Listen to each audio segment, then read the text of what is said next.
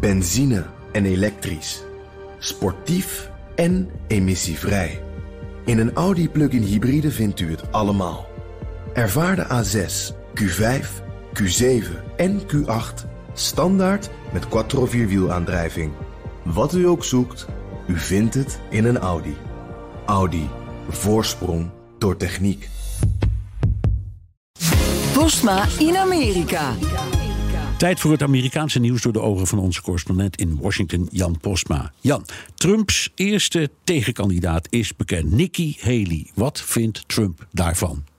Ja, 15 februari gaat het gebeuren. Dat is eigenlijk wel zeker dat ze dan die aankondiging uh, gaat doen. En zij is natuurlijk de voormalige gouverneur van South Carolina, Trumps ambassadeur bij de VN. We hebben het vaak over haar gehad, hè? ook in de Amerika-podcast. Ja, altijd een soort politieke rockstar hebben we dat wel eens genoemd, hè?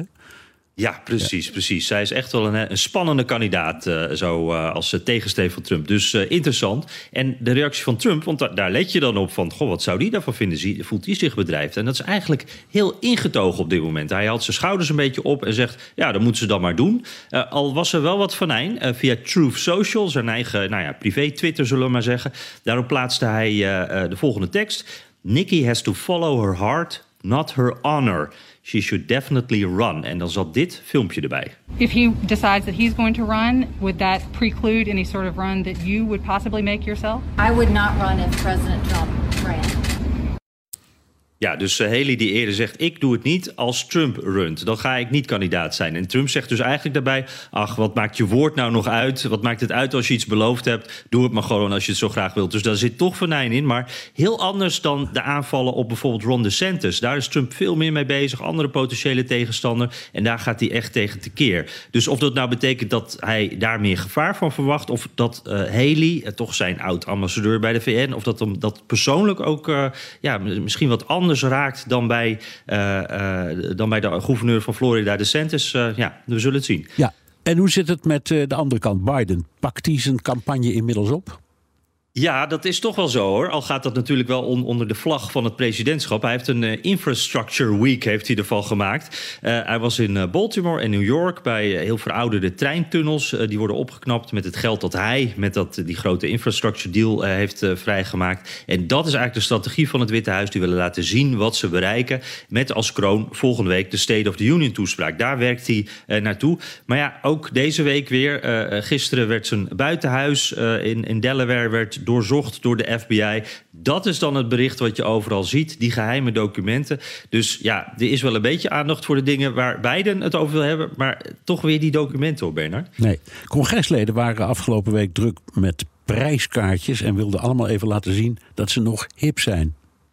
Ja, dit was wel een gek moment. Een uh, congrescommissie die boog zich over het monopolie dat Ticketmaster uh, heeft. Uh, de, dat zijn de concertkaartjes. En ja, de, dat zorgt voor allerlei problemen. De, de, prijzen gaan bijvoorbeeld gigantisch omhoog, omdat er maar één partij is. Hele dure kaartjes. En dan waren er ook problemen met de kaartjes van Taylor Swift in het verleden. Die is super populair. Ik, ja, wij zijn er wat te oud voor, denk ik, Bernard. Maar misschien jouw kleindochter, ik weet niet of die al Taylor Swift luistert. Ik denk het wel, ja. Nog niet? Ja, nee, denk ja, wel. Ja, ja, dat, ja. Ja, die, is, die, de oudste is, kleindochter is 11, die doet dat zeker hoor. Ja. Nou, dan ben, je, dan ben je op die leeftijd inderdaad. En, en ja, die concertkaartjes waren gigantisch duur. En het ging ook nog een keer de laatste keer helemaal mis. Omdat al die meisjes van 11 jaar tot uh, 30 jaar volgens mij allemaal daar naartoe wilden. En uh, in die commissies wilden ze het daarover hebben. En dan wil iedereen zijn moment in de spotlight pakken. En zo ongeveer, ongeveer die hele commissie had hetzelfde lumineuze idee.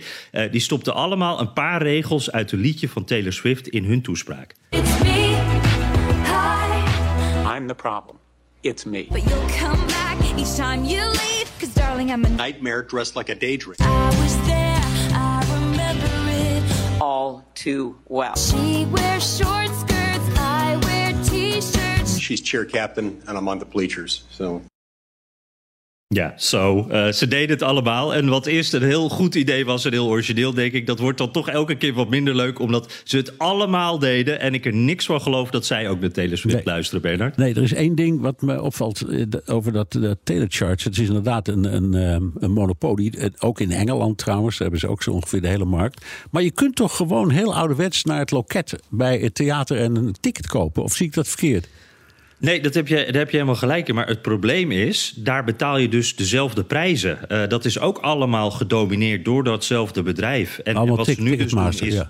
Ja, en als de prijs omhoog gaat, dan gaat. Of eh, ik bedoel, als de vraag omhoog gaat, dat zie je bij Taylor Swift, Bruce Springsteen, echte eh, populaire artiesten, gaat de prijs dus ook omhoog. Dus je betaalt zomaar 400 dollar. Ja, ja, nee, ik weet het uit ervaring. Want ik ben een tijdje geleden met mijn kleindochters en mijn vrouw naar de Rockettes geweest eh, op eh, Hmm. Rockefeller Plaza.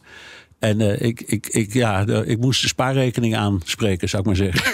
ja, Ach, arme opa Bernard. ja, viel niet mee. Goed, dankjewel. Jan Posma, correspondent in Washington. Wilt u meer horen over dat fascinerende land? Luister dan naar de Amerika-podcast van Jan en mij. Benzine en elektrisch. Sportief en emissievrij. In een Audi plug-in hybride vindt u het allemaal. Ervaar de A6, Q5, Q7 en Q8 standaard met quattro vierwielaandrijving. Wat u ook zoekt, u vindt het in een Audi. Audi. Voorsprong door techniek.